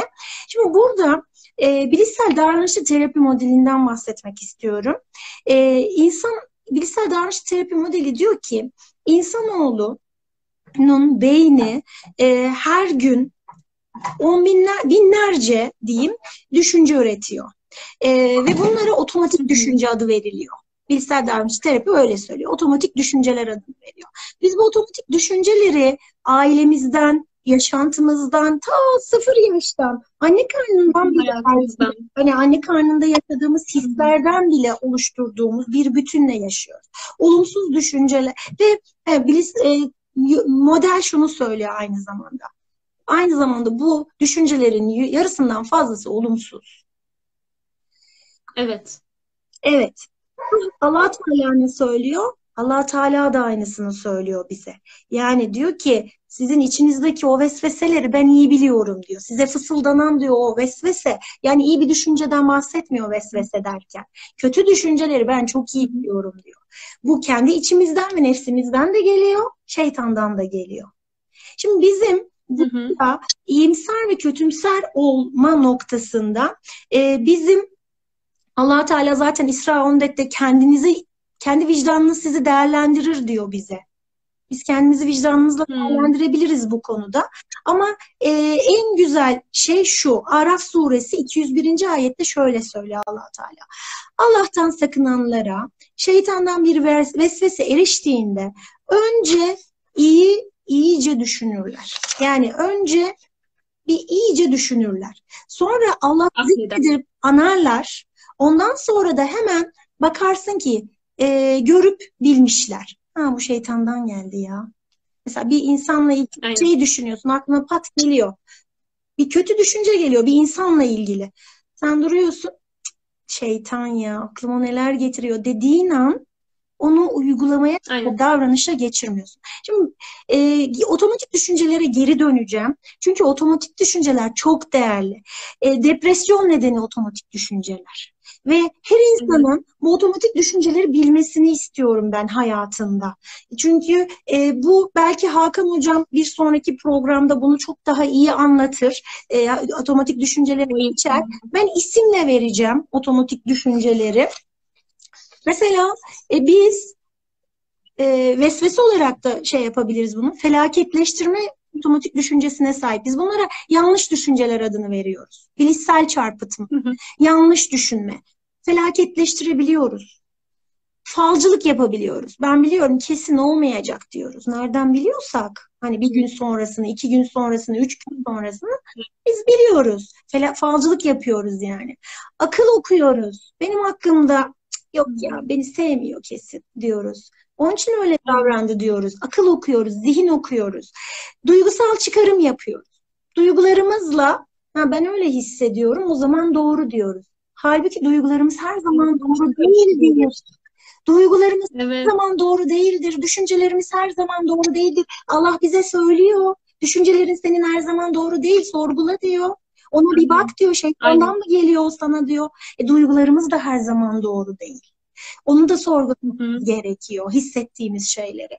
E, kendini ya da diğerini suçlamaya yönelik bir düşünce yapımız olabiliyor. Her şeyde kendini suçluyor. Benden oldu, ben yaptım, benim yüzümden. Böyle bir hmm, böyle yapmasaydım şöyle olmazdı. Böyle olmazdı. Bunların hepsi olumsuz düşünceler bak ve bunların hepsini Allah Teala bize söylüyor. Kendini ya da diğer evet. e, pardon mükemmelliyetçilik en başta söyledim. Bendeki var olan ve gerçekten insanı inanılmaz rahatsız eden bir şey. Neden? Çünkü benim annem çok mükemmelliyetçi bir insandı ve öyle olmaz, öyle olmamalı, böyle yapılmalı, şöyle olmalı, öyle oturulmaz, öyle konuşulmaz, o öyle yenmez.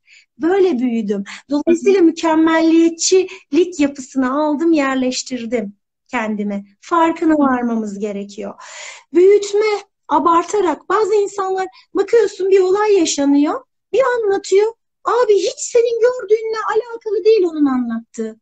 O kadar abartılı yaşıyor ki olayı. Farkına varmıyorsun yani. Allah Allah diyorsun ya. Ben de aynı şeyleri gördüm ama ya hiç öyle bir şey olmadı orada diyor. Üç kere yaşandıysa yüz kere yaşandı diye anlatıyor. Abartıyor. Hmm. Farkına varması lazım. Küçültüyoruz. Hmm. Eli parçalanıyor bir şey yok diyor ya. Bir şey olmadı diyor. Küçültüyor kendi içinde yaşadığı şeyi. E, genelleme yapıyoruz. Bir şey yaşadık ya olumsuz bir şey. Diyoruz ki bundan sonra hep böyle gidecek. Benim şansım yok zaten. Ne kadar yanlış düşünceler. Kaderim böyle yazılmış falan. Kaderim böyle. Kaderini kim tercih ediyor?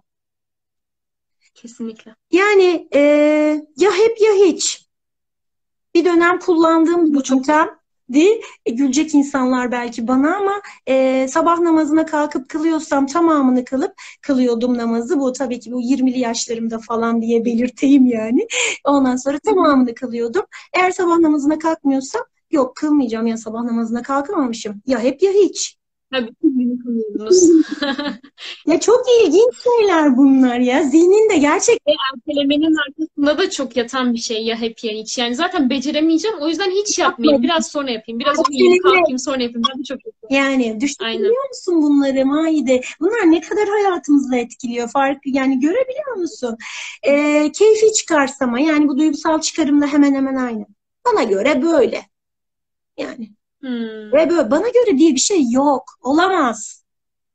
Bilime göre olmalı, Kur'an'a göre olmalı, Allah'a göre olmalı. Sana göre diye bir şey olmaz. Hmm. Ee, yani dur bu bunlar bilişsel çarpıtmalar. Bunları bilmelerini istiyorum arkadaşlar. Eminim Hakan Hoca bunları biraz daha açıklar diye düşünüyorum. İnşallah açıklar. E, çünkü bunlar hayatımızdaki işte o iyimser olmamızı, kötümser olmamızı, e, gerçekçi düşüncelerimizi etkiliyor. Bunların farkına vardığımızda biz gerçekçi düşüncelerimize ulaşıyoruz. Ve gerçekçi düşüncelerle yaşadığımızda, Allah'ın emrettiği şekilde yaşadığımızda mutlu hissediyoruz. İyi oluşa da ulaşıyoruz. Ee, şimdi burada vesveselerle biliyorsunuz Nas suresi zaten tamamen bununla ilgili. Hani Nas suresi 4. ayet sinsice kalplere vesvese ve şüphe düşürüp e, duran vesvesenin şerrinden korunmasını Allah'tan isteyeceğiz. Ama bunun yanı sıra biz kendimizde hangi yanlış düşünceler var, hangi vesveselere inanıyoruz, hangileri bizi egemenliği altına almış farkına varacağız. Çok doğru hocam. Hangileri bizim egemenliğimiz altına almış bu çok değerli bir cümleydi. Evet. Gerçekten haklısınız. Ee, Farkında değilim. Kesinlikle böyle. Şimdi bunların sonrasında Maideciğim e, bizim bir bitirdik mi hocam piramidi? Hemen piramidi bitirdik. bitirdik. Yani biz e, piramidi bitirerek iyi oluşun, iyi oluş, insanın bir iyi oluşunu nasıl olabileceğini gördük. Ama bunun yanı sıra bize pozitif psikoloji diyor ki insanın temin e, insan başkalarına para harcarsa kendini iyi hisseder. Hı. Hemen bir ayet söylesen bana. Mesela Allah diyor ki yeryüzü Allah'ın egemenliğinin altındayken size ne oluyor ki harcamıyorsunuz diyor. Harcarsanız diyor Allah size kat kat arttıracaktır diyor. Hatta bunu bir başağın tanelerine, bire bin veren başağın tanelerine benzetiyor mesela. Ya da 700'lü yanlış hatırlıyorum. Allah bize... O tarzı yani Allah verdikçe arttıracağını söylüyor. Evet Allah bize zorunlu bir ibadet koyuyor burada değil mi? Evet, zekat meselesi ve hatta Kur'an'da hani maalesef şu geleneksel dinde bildiğimiz kırkta bir gibi bir şey değil. Her an, her zaman ihtiyacı gözetmemiz gerektiğini ve bununla sorumlu olduğumuzu belirtiyor. Çünkü malımızda başkalarının hakkı olduğunu, yani isteyemeyenlerin hakları olduğunu bahsediyor. O hakkını vermemiz gerektiğinden bahsediyor. Aynen böyle. Bak pozitif psikoloji söylüyor bunu. Görüyor musun? Yani 90'lı yıllarda Martin Seligman söylüyor, Viktor Frankl söylüyor bunu. İnsanları başkalarına para harcaması. Bizim yaratıcımız bizim kullan kullanma kılavuzumuzu biliyor. Bize ibadet olarak koyuyor bunu. Zorunlu. Kesinlikle. Bak yaparsan mutlu olacaksın diyor. İyi oluşa erişeceksin diyor. Eşyalara değil deneyimlere e, para harcanmasını istiyor. Mutlu yani iyi oluş için pozitif psikoloji. Nedir deneyim? Bir öğrenciye ders çalıştırmak, kan vermek. Başka? Hı hı, kesinlikle. Başka mesela ne olabilir? Birilerinin hayatına dokunmak. Bir insan Birilerinin hayatına dokunmak aslında. Aynen. Deneyimi onunla yaşamak. Mesela sabrı, hakkı, merhameti birbirine tavsiye edebilmek. Asr suresindeki gibi. Yani sadece e, derdini anlatmak için gelen bir insanı sadece dinlemek yani. Tamam ben seni anlıyorum diyebilmek aslında belki de. de Bu bile yeterli aslında. Yani deneyimlere ulaşmak değil mi? Aslında daha çok deneyim aklımdaydı ama şu an süreyi çok açtık diye kendi e, şey oldum biraz panikledim. Hatta Beled suresindeki o yokuş olayından bahsedecektik. İstersen hemen kısa evet. bahset. Mesela Beled suresindeki o sarp yokuşta Allah'ın sıraladığı şeyler aslında bu deneyimler gibi geliyor bana. Çünkü Allah diyor ki bir köleyi azat etmektir diyor. Ee, bir yani evet bir köleyi azat etmektir. Açlık gününde bir yetimi doyurmaktır diyor. Ve en sonunda da sabrı merhameti tavsiye edenlerden olmaktır diyor. Ya maalesef hocam ben şunu görüyorum. Bizim çağımızdaki gençlerde de bu çok var. Mutsuz hissettiğimizde işte biraz alışverişe gideyim, kafa dağıtayım, kendime bir şeyler alayım. İşte bir ne bileyim belki bir yemek alayım, yemek yiyerek onu gidereyim falan gibi bir sanki o mutluluk getirecekmiş gibi düşünüyoruz. Halbuki mutluluk onları elde etmek değil. Aslında paylaşmak mutluluk getiriyor. Yani sen elindekini paylaştığın zaman, birinin derdine ortak olduğun zaman, onu paylaştığın zaman aslında mutluluk geliyor maalesef. Onu aslında bu pozitif psikoloji bunu diyor. Allah da bize bunu öneriyor zaten yani. Kesinlikle. Yaratıcı kılavuzda zaten öneriyor. Güçlü sosyal ilişkilerin olması, e, işte zaten toplumsal olarak biz bu konuda gerçekten iyi olduğumuzu düşünüyorum. İşte bir cenaze ritüelimizin olması mesela. E, mesela şu an bir pandemi sürecinde bunu yapamıyoruz ve insanlar gerçekten çok kötü hissediyor. Çünkü bir güçlü sosyal ilişkiyi bulamıyor yanında. Ağlayamıyor, derdini söyleyemiyor ki ki e, travma sonrası so, e, stres tepkilerinde bizim bu yaptığımız cenaze ritüelinin o kadar önemli bir yeri var ki e, bu insanlar bunu terapi yöntemi olarak kullanıyorlar yurt dışında, Avrupa'da. Hmm. Ki biz bunu doğal olarak yapıyoruz. İşte bayram merasimlerimiz, yaşlılarımızı e, gerçekten e, yani tabii ki yani inşallah her evde öyledir ama başımızın üstünde yerlerinin olması. Sosyal ilişkileri bunlar güçlendiriyor. E, ondan sonra evlatlarımızla, ailelerimizle olan ailesel ilişkilerimiz e, güçlü bir sosyal ilişki kuruyor ve biz toplum anlamında bu konuda iyiyiz. Sadece tek korkum şu televizyonun insanların aile ilişkilerini bozduğunu düşünüyorum. E, ve bu güçlü sosyal ilişkilerin özellikle metropollerde, İstanbul'da falan azalması beni çok korkutuyor. Çünkü bu yalnızlığa, mutsuzluğa, işte çocukların bilgisayarla oynaması, sadece bireyselleşmesi ben hani bundan korkuyorum işin gerçeği ama inşallah bunu kaybetmeyiz. E, çünkü çok önemli bir kavram.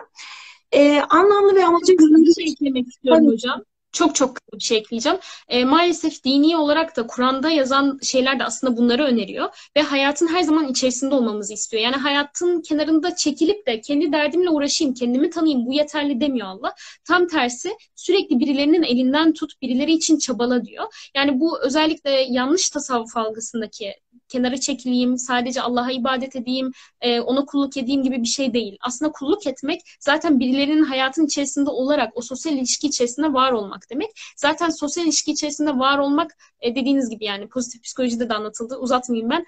E, mutluluk getiriyor yani. Kesinlikle, kesinlikle. Aynen iyi oldu. Anlamlı ve amaca yönelik yapılan işler diyor. Anlamlı ve amaca yönelik işler. Yani e, neyi hatırlayacağız? Başa dönüyoruz. E, ve ne demişti allah Teala? Seni en güzel şekilde yarattım diyor. Hayatın anlamı burada aslında. Yani en güzel şekilde yaratılan bir insan olduğumu bileceğim. Hayatın anlamı içerisinde. Hı hı. Anlamlı ve amaca yönelik davranacağım. Ben niçin yaratıldım? Amacım ne? Bu dünyaya niçin geldim? Ne yapacağım? Evet. Ee, bir taşın amacı varsa, bir dağın amacı varsa, bir karıncanın amacı varsa, bir arının amacı varsa benim amacım ne? Kalbin amacı varsa mesela aynen. Amacı varsa benim amacım ne? Ben bu dünyaya niye geldim? Ergenlikte sorgulanır genelde bu. Eğer ergenlikte sorgulanmazsa ve e, bu amaç bulunmazsa işte kötü oluyor. Gerçekten hayatın anlamını ve amacını bulmamız gerekiyor ki ayakta tutan en iyi, en önemli oluşlardan bir tanesi bizi. Bizim bu. Yani hı hı. hayat Kesinlikle. amacı. E, bizim burada net olarak bizim bu dünyaya e, Allah'ı tanımak için gönderildiğimizi, e, kulluk yapmamız gerektiğini ve kılavuzla, hı hı. kılavuzla hareket etmemiz gerektiğini bilmemiz gerekiyor. Hayatımızın amacı bu. Biz bunu böyle yaptığımızda, bunu ben söylemiyorum ayrıca. Yani e, yurt dışında yapılan araştırmalar da bunu söylüyor. Din, inanç, e, inanç kavramları insanları ayakta tutuyor. İyi oluş. Kesinlikle. E, düşünsene bir ahiret gününe inanıyorsun. Senin hayatını anlamlı kırıyor, kılıyor. Ya ben Evet, yaşadığın zorluklar anlamlılaşıyor. Anlamlaşıyor. Ben bu dünyada yaşıyorum, adım atıyorum ama ben gideceğim orada hesap vereceğim. Yaptığım Aynen. şeyleri orada anlatacağım. Ya da ben her an yanımda, şah damarımdan yakın, görüyor beni. Düşünebiliyor musun? Bizi görüyor. Yani bir çocuğa biz Allah'ın onu gördüğünü söylersek hırsızlık mı yapar, yalan mı söyler? Hani biz başka şeylerle eğitim veriyoruz. Yalan çok doğru değil, yanlış. İşte yapmaman lazım, doğru söyleme. Hayır. Allah seni görüyor yavrum. Sen bana şu an söylediğin şey doğru değil ama seni Allah görüyor. Allah Evet. yani bizim çocuklarımızı kendimizi bu şeyle hayatımızın amacı bu. Allah bizi görüyor. Allah dolayısıyla ve bizim amacımız kulluk. Yaratıldık. En şerefli şekilde yaratıldık. Bir amacımız var. Ben bunu çocuklarıma çok sorarım öğrencilerime. Amacın ne? Bu hayattaki amacın Evet. ne? Çok sorarım ve her Evet. insanın kendine amacını sorması gerektiğini düşünüyorum. Şimdi son maddemizde diyor ki Hızlanıyorum. Genetik e, pozitif psikoloji diyor ki genetik olarak bizim e, genetik önemli. Belki fıtratında senin iyimserlik, sevgi, şükran az, e, işte ne bileyim huzur ya da işte e, farkındalık, ilgili olman, onurlu olman, saygın olman az. Ama sen bunları öğrenebilirsin diyor.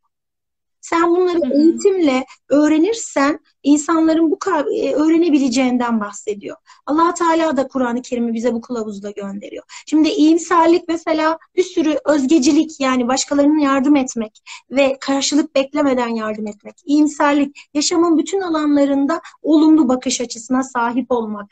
Allah sevgi Allah'ın e, Allah Teala'nın yaratılışta vücudumuza koyduğu ama ölçüsünü bilmemiz gereken bir erdem. Bunlarla ilgili bir sürü araştırmalar var. E, onlar elimde ama şu an zamanımız geçtiği için istersen bahsetmeyeyim.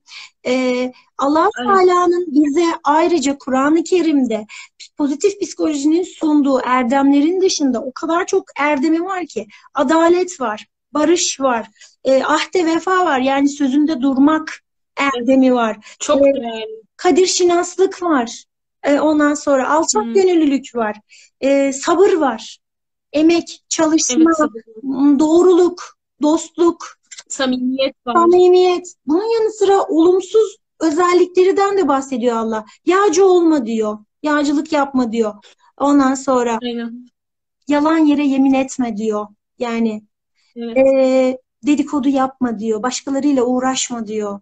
İyiliğe mani olan saldırgan ve günahkar işler yapma diyor mesela.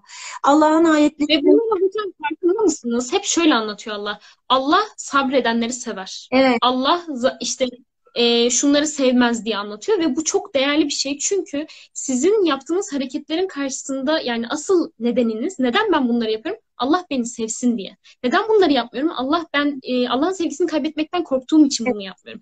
Ve eğer siz çok iyi biliyorsunuz bir çocuk eğitiminde sevgi temel olduğu zaman zaten o şeyin öğrenilmesi çok daha kolay oluyor ve kalıcı oluyor ve yapması da rahat oluyor. Çünkü gerçekten bir gerekçe olarak oluyor. Zaten Allah Enam suresi 54. ayet olması lazım. Diyor ya ben yaratırken rahmeti prensip olarak edindim diye. Yani Allah sevgiyi prensip ediniyor ve biz de prensip olarak onu edindiğimiz zaman işte bu hem de şeye ulaşıyoruz. O sizin dediğiniz huzura ulaşıyoruz aslında. Evet. Toparlayacak olursak, e, kılavuzumuzla hareket ettiğimizde kendimizi iyi hissediyoruz. Her anımızı, her dakikamızla onunla yaşıyoruz. O ne emrediyor, ne emretmiyor. E, bu şu düşüncem şu an doğru mu, gerçekçi mi, e, yanlış mı, değil mi diye sorguluyoruz. Yaşadığımız bir olayı, ha vardır bunda hayır diyoruz. Allah bunu nasip etmediyse bunun bir nedeni vardır diyoruz. Bir yere geç kalıyorsak, trafik oluyorsa o anda diyoruz ki Mesela ya da mesela yola çıkmadan evvel bir engel oluyor örneğin. Diyor, diyorsun ki ya bu engel çıkmasaydı belki de yolda başıma bir şey gelecekti diyorsun. Yani öfkelenmiyorsun her anın onunla yaşadığında. Kendini mutlu hissediyorsun, iyi hissediyorsun. Ee, herkese teşekkür ediyorum dinledikleri için. Ben de teşekkür ediyorum aynı şekilde. Yorumları da açtım bu arada. Peki varsa so- e, soru e, istersen cevaplandıralım Maideciğim. Evet hocam açtım yorumları ama bir soru gelmedi sanki şu anda. Tamam. Yine yazabilirsiniz görüşlerinizi, sorularınızı. Evet. Herkese teşekkür ediyoruz gerçekten. Hocam ben size de çok teşekkür ederim. Gerçekten çünkü sizinle bugün yayın yapmak, beraber bu sohbetimizi izleyenlerimizle beraber de paylaşmak benim için gerçekten çok değerli. Ben de çok teşekkür Biliyorsunuz. ederim Maideciğim. Benim için de aynı şeyler geçerli. Ee, çok teşekkür ediyorum. İnşallah faydalı, yararlı olmuştur. Ee, hayırlı günler. Rabbimin her zaman e, yanlarında hissettikleri yılları ve günleri olsun inşallah. Emin hocam inşallah. Yani Allah'ın Enam suresinde dediği gibi de ki benim hayatım, ibadetlerim, isteklerim ve ölümüm yalnızca Allah içindir. Gerçekten Allah'tan razı olduğumuz, onu yanımızda hissettiğimiz bir ömrümüz olsun ki ahiretimiz de ona kavuşarak olsun inşallah Ha. diyelim. Bir de ben. Birun ablaya da selamlarımı yolluyorum bu arada. Çünkü Birun abla da bu konuda Maslow'un o şeyinde piramidinde sağ olsun katkıları oldu. Ona da selamlarımı yolluyorum. Herkese o zaman iyi akşamlar diyelim. Çok sağ ol. Teşekkürler aynı. Görüşmek Görüşmek üzere o zaman haftaya. Hoşçakalın.